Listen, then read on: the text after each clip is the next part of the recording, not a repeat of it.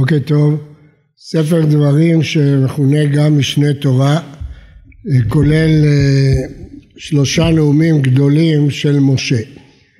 הנאום הראשון, נאום התוכחה, הנאום השני הוא נאום המצוות, שכולל בעיקר את המצוות שקשורות למלכות, להנהגה, לחלוקת ארץ ישראל ולמצוות התלויות בארץ, והנאום השלישי זה נאום הפרידה שכולל אה, הניצבים, וילך, האזינו וזאת הברכה. אה, נתרכז היום בנאום התוכחה. נאום התוכחה כולל שני חלקים, אבל לשניהם יש אותה מטרה. משה רבנו בחלק הראשון מזכיר כל מה שהיה להם עד היום. ומה שהוא מזכיר, שהוא משחזר את האירועים, לא את כל האירועים, חלק מהאירועים שהוא בוחר הוא משחזר, ויש לזה שתי מטרות. מטרה אחת, לתאר את חסדי השם עם עם ישראל במדבר, מעין מה שהוא אומר אחר כך פרשת האזינו, הלהשם תגמלו זאת, הלא אביך, קניך, אורזך ויכונניך, דהיינו כל החסדים שהקדוש ברוך הוא עשה איתם מאז יציאת מצרים ועד הכניסה לארץ ואחרי, ולהוכיח שלמרות כל מה שהם הימרו נגדו הוא אוהב אותם, לתאר את אהבת הקדוש ברוך הוא לעם ישראל. החלק השני הוא התוכחה מה יקרה כשהם ייכנסו לארץ וכמובן ששני החלקים יש להם אותה מטרה. גם ההיסטוריה שהוא מונה לא מטרתה שחזור ההיסטוריה סתם אלא כדי לנצל אותה לצורך התוכחה. מה התוכחה? ממה פוחד משה? מה אה, מאיים בכניסה של עם ישראל לארץ ישראל? מדוע הוא צריך להזהיר אותה באזהרות קשות ששיאם פרשת כי תוליד בנים ובני בנים שבעצם מנבט את החורבן ואת הגלות, אנחנו קוראים אותה בתשעה באב. מדוע משה חושש משלב הכניסה לארץ ישראל? אם נסתכל בפסוקים נראה שמשה חושש מארבעה דברים. הדבר הראשון שהוא מת אחרי מותו. הוא אומר אף בעודני חי ממריאים מאיתם את השם אף כי אחרי מותי. משה רבנו מבין שאם ישראל העזו להמרות את פי השם כשהוא היה חי והייתה ההנהגה שלו שהכירו אותו מיום לידתם במצרים ארבעים שנה הכירו אותו ואת מעשיו והריצו את פועלו ואם למרות זאת ממרים הם היו בכל הדרך משה מבין קל וחומר מה יהיה אחרי שהוא ימות אף כי אחרי מותי לא יהיה להם את המורא של משה רבנו ויכול להיות שעוד יהיו יהושע והזקנים אבל אחר כך כבר לא יהיה ואכן זה מפורש אה, בנביא ביהושע בימים ההם אין מלך בישראל איש הישר בעיניו יעשה כאשר הפרשה שמתוארת שם פרשת פילגש בגבעה. כאשר אין הנהגה אז העם פרוע. אין הנהגה ששולטת בעם, העם נהיה פרוע, אין מלך בישראל, איש הישר בעיניו יעשה, עד שהם מגיעים לתועבה כזאת כמו פילגש בגבעה, שמזכירה אה, לחכמים את פרשת סדום ועמורה.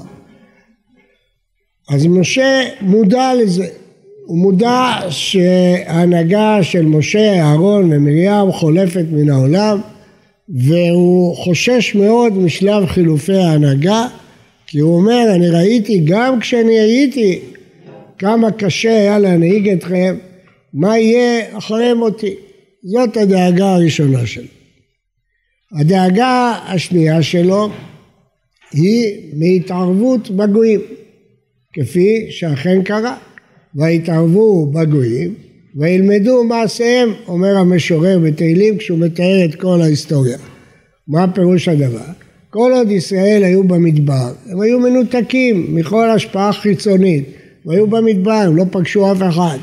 אז משה יכל ללמד אותם תורה, חוקים, מצוות, משפטים, לא הייתה להם שום השפעה של תרבות אחרת. אבל ברגע שהם נכנסים לארץ, כבר בגבולות הארץ הם פוגשים את בנות מדיין והתוצאה של זה מאוד הרסנית.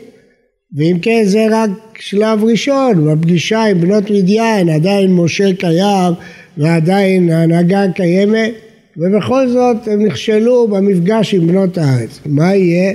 שיגיעו לכנען ויפגשו עם תועבות הכנעני ויפגשו עם התרבות הקלוקלת בענייני עריות, בענייני אה, יושר, כפי שכנען בידו מאזני מרמה, שיתקלו בכל הבעיות הגדולות של הקדושה שיש בכנענים, יטמעו בטומאותם ובראש לכל עבודה זרה. הם יתערבו בעובדי עבודה זרה וילמדו מהם. חכמים אומרים לא הייתה עבודה זרה שפגשו ישראל שהם לא עבדו אותה. הם באמת, החשש הזה של משה התגשם במלואו. עם ישראל הגיע לארץ ישראל, אבל הוא לא השמיד את העבודה הזרה, אלא הוא נדבק בה בעצמו. הביטוי שמתאר ישעיה בהפטרה של השבוע, תחת כל עץ רענן עד צואה זונה, זה אומר שכל הארץ הייתה מלאה עשרות, ועבודה זרה, ופסילים, וכל מי שקורא את הנביאים, רואה שכשבא מלך צדיק הוא מבאר, בא מלך אחריו, כל העבודה זרה חוזרת. לא הייתה עבודה זרה שלא עבדו אותה, מעיד הפסוק, לא אני אומר את זה. הפסוק אומר, לא הייתה עבודה זרה של הגויים שהם לא עבדו אותה. הם עבדו את כל עבודה זרה, ואם יש לנו איזה ספק, אז כדאי לקרוא את הפסוקים בספר ירמיהו, שמזעזעים כל נפש.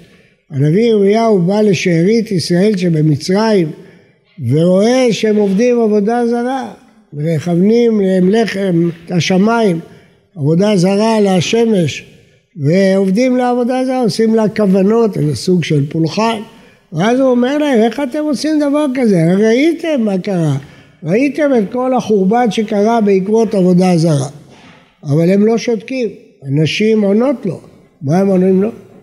אומרים לו ההפך, בגלל שהפסקנו לעבוד עבודה זרה, בא לנו החורבן. עכשיו נמשיך לעבוד עבודה זרה ואז לא יהיה חורבן. עד כדי כך עזות המצח והדבקות של ישראל בעבודה זרה שמוכנים לטעון לנביא ירמיה שכל החורבן בא בגלל שהפסיקו לעבוד עבודה זרה. לא בגלל שעבדו עבודה זרה. זה רק מראה לכם מזעזע איזה מצב היו עם ישראל אז בזמן החורבן. כל כך היו דבוקים בעבודה זרה ומפורסמת הגמרא בסנהדרין שהוא אומר למי שקרא לו חברין, חברנו, חברך וחברה דאבוך, אם היית בזמני היית מרים את שולי גלימתך ורץ אחרי עבודה זרה. זאת אומרת שהחשש הזה של משה היה חשש אמיתי, כבד והתגשם, שהם יתערבו בגויים וילמדו מעשיהם. מדוע? כי השפעת החברה היא השפעה טוטאלית. מאוד מאוד קשה להתגונן מפני השפעת החברה. וכשישראל יגיעו לחברת עובדי עבודה זרה, הם ילמדו מהם. זה לא דומה לישראל בגולה, שהגויים רחקו אותם, שנאו אותם, תיאבו אותם, ממילא הם לא התבוללו בהם, אבל ברגע שהגויים נתנו להם אמנציפציה וזכויות חופשיות, באמת שוב חזרה הבעיה של ההתבוללות, כי ההשפעה של הסביבה היא השפעה מכרעת, השפעה אה, גדולה מאוד. צורו מה קרה לכל יהודי מזרח אירופה שהגיעו לאמריקה, היו כולם יהודים יראים ושלמים ובתוך שנים מועטות הפכו למחללי שבת כמעט כולם. ומה קרה ליהודי המזרח כשבאו שיכוני העולים בארץ ישראל, מה קרה לילדים שלהם, היו כולם שומרי מצוות ומאמינים, יש השפעה גדולה של החברה, החברה משפיעה בלי שאנחנו מרגישים, בלי שאנחנו יודעים, ההתגוננות מפני ההשפעה של החברה היא פעולה מאוד קשה ומשה חושש מפניה. זה הדבר השני שחושש משה. הדבר השלישי הביטחון העצמי והגאווה. פן תאכל ושבעת, ובתים טובים תבנה וישבת. ורם לבביך, ושכחת את השם אלוהיך. אמרת בלבביך, כוחי ועוצם ידי עשה לי את החיל הזה.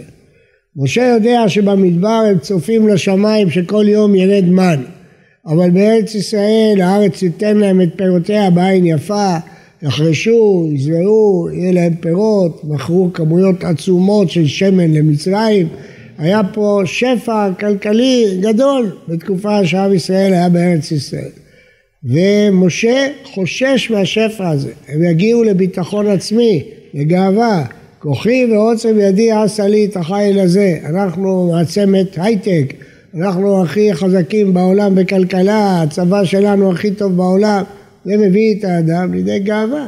כוחי ועוצם ידי עשה לי את החיל הזה ושכחת את השם אלוהיך כי הוא הנותן לך כוח לעשות חיל.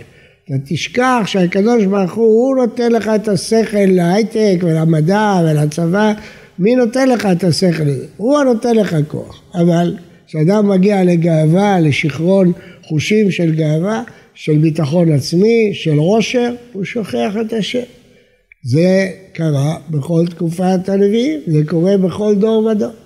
שלושת הדברים האלה קשורים במעבר מהמדבר לארץ ישראל. הדבר הראשון, חילופי הנהגה. הדבר השני, המעבר ממדבר שממה לארץ תרבותית, נושבת. והדבר השלישי, המעבר ממצב שחיים על פי נס במדבר לחיים שאנשים מתעשרים ומתחזקים וכן הלאה, לבוא ולהגיד כוחי ועוצם ידי עשה לי את החיל הזה. אבל יש גם דבר רביעי מאוד מאוד חשוב ומשמעותי שמשה רבנו חושש מפניו. כל מה שאמרתי לכם נמצא לכל אורך ספר דברים. הדבר הרביעי הוא משה חושש שהכניסה לארץ ישראל ובניין בית המקדש ייתן להם ביטחון שלעולם לא יגלו. שלעולם המקדש לא יחרב, שלעולם לא יגלו מן הארץ. ומשה משקיע מאמצים עצומים בכל ספר דברים כדי להגיד לכם, הארץ לא תגן עליכם. אם אתם תפרו את הברית, הקדוש ברוך הוא יגלה אתכם מן הארץ. המקדש לא יגן עליכם. גם אם יהיה מקדש הוא יחרב אם אתם תעברו עבירות. וישראל לא האמינו בזה. עוד בתקופת ירמיהו הם אומרים לו, היכל השם, היכל השם יגן בעדנו. הנביא מקונן במגילת היכל לא האמינו ארץ כי יבוא צר ואויב בשערי ירושלים. אפילו הגויים לא האמינו שהם יצליחו להחריב את מקדש השם. איך יכול להיות? איך יכול להיות שהשם ייתן להחריב את המקדש שלו? ובאמת, חכמים עונים על זה, שהעבירות סילקו את השכינה, ואם אין שכינה זה רק עצים ואבנים, זה לא שונה מכל בניין אחר. אבל ישראל סמכו על זה שארץ ישראל לעד תהיה שלהם והמקדש יהיה שלהם. אני רוצה לספר אפיזודה מאוד מעניינת בקשר לזה. בשלהי מלחמת העולם השנייה, זה היה בשנת 1941, אה, התנהלה בארץ, בצפון אפריקה, מערכה גדולה בין אה, רומל ומונטגומרי כאשר אה, הנאצים אה, כבשו את מלטה ועמדו לכבוש את צפון אפריקה, כבשו את לוב והיה חשש גדול שרומל יכבוש את ארץ ישראל. באותו זמן שהיה הרב הראשי הרב הרצוג בוושינגטון. והיה לו ניתוח שם, גמר את הניתוח, הוא ביקש לחזור לארץ, הוא הלך להגיד שלום לנשיא רוזוולט הנשיא רוזוולט אמר לו, אין לך מה לחזור, עוד זמן קצר הנאצים משתלטים על ארץ ישראל, תישאר פה, אין לך מה לחזור. ידוע שגם הנהגת היישוב הקימה כבר מבצר בכרמל למקרה שהארץ תיכבש. ואמר לו, אין לך מה לחזור. נשיא אמריקאי אמר לו, אנחנו יודעים את המצב, אין לך לאן לחזור. הרב הרצוג ענה לו, אה, תדע לך, שהנביאים נימו לנו על שני חורבנות, חורבן ראשון וחורבן שני. אבל חורבן שלישי לא יהיה, אין בנביאים חורבן שלישי. המדינה הזאת תתקיים.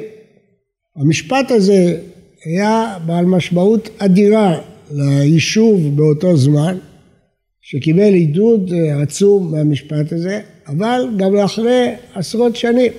אני זוכר במלחמת יום הכיפורים, ביום השני, שהמצב היה אחרי ייאוש וכמעט כל הגולן נכבשה והסורים דהרו לגשר בנות יעקב. ישבנו ארבעה צוות אחרי שהטנק שלנו נפגע וכמה שעות דנו בשאלה האם מדינת ישראל תמשיך להתקיים או לא, או טובה. ואז אני פתאום התאוששתי ואמרתי להם, יש לנו קבלה מהרב הרצוג שחורבן שלישי לא יהיה, מדינת ישראל לא תחל. אני מראה לכם עד כמה המשפט הזה היה קריטי ובעל משמעות, אבל הוא באמת עורר פולמוס מאוד מאוד רחב. עד היום, שניים או שלושה גיליונות של חוברת המעיין, היה מישהו שתקף את האמרה הזאת בחריפות ואמר כל התורה כולה מזהירה שארץ ישראל תלויה בהתנהגות שלנו, ניתן להם ארצות גויים, העמל לאומי מרשו, וערבו ישמרו חוקיו ומשפטיו ינצורו. נתינת ארץ ישראל היא על מנת שישמרו את התורה, וכל התורה משה רבנו מזהיר שאם לא נשמור את התורה נגלה, נגלה מהארץ, ואם כן הממרה הזאת היא מחלישה את הכוח הזה. וענו לו והשיבו לו והוויכוח. בשעתו שאלו את אה, דוקטור יעקב הרצוג אה, שש שנים אחר כך, כשהוא היה ציר בוושינגטון, שאלו אותו את השאלה הזאת, על מה אבא שלך שמח, שאל אותו רב גדול מאוד. והוא, אז הוא אמר לו שיש מדרש, המדרש אומר, ואני כאשר שכלתי, שכלתי. כאשר שכלתי במקדש ראשון, שכלתי במקדש שני, לא אשקל עוד. אה, אז על זה הוא שמח. כששאלו אותי, כשפרסמתי בספר תיאום כוונות, הסיפור הזה, אז קיבלתי הרבה מכתבים, שאלו אותי אותה שאלה, והבאתי להם עוד שלושה מדרשים, מדרש שיר השירים, ועוד שני מדרשים שאומרים אותו דבר. אבל אני מביא את זה כדי להראות לכם אה, את המשמעות של משפט כזה, ומה משה רבנו חשש. משה הרצוג אומר שחורבן שלישי לא יהיה. משה רבנו חשש שישראל יסמכו על ארץ ישראל, יסמכו על המקדש ויחשבו לעולם זה לא יחרב, לעולם המקדש לא יחרב. ועל ידי זה יעשו את כל התועבות. הוא מזהיר אותם שזה לא נכון, שארץ ישראל נתונה להם על תנאי בעבור ישמרו חוקיו ומשפטיו מנצור. אם כן, אלה ארבעת הדברים שנאום התוכחה הראשון של משה, שנמצא בפרשת דברים ובפרשת ואתחנן, עוסק בהם. תיאור ההיסטוריה של המדבר כאמצעי כדי להזהיר אותם, היה מילת תוכחה לא מדויק, צריך להגיד נאום האזהרה, זה לא תוכחה על העבר, זה נאום אזהרה לעתיד, התוכחה על העבר רק בא בתור אזהרה על מה שיקרה להם בעתיד, מתוך ארבעה נושאים שמשה חשש בהם, וכשתעקבו לאורך ספר דברים תמצאו שאלה הנושאים ודברים, חנן, עקב, שחוזרים ונשנים. הפחד מההתערבות בעבודה זרה, הפחד מהאמון שהם ייתנו במקדש, הפחד מכוחי ועוצם ידי, מהעושר והביטחון שיבוא להם, והדברים הללו אה, הפחידו את משה רבנו, הוא מזהיר אותם באזהרות קשות לפני הכניסה לארץ. אה, אנחנו בשבוע, בשלושה שבועות הקרובים, פרשת ואת חנן, עקב וראה, השיעורים ישודרו באותה שעה בזום באינטרנט, לא כאן. השיעור כאן בבית המדרש יתחדש באלול, זין או אלול, ביום שישי, ומי שרוצה להקשיב לשיעורים בינתיים יוכל להקשיב להם דרך המכשירים האלקטרוניים. שבת שלום ומבורך.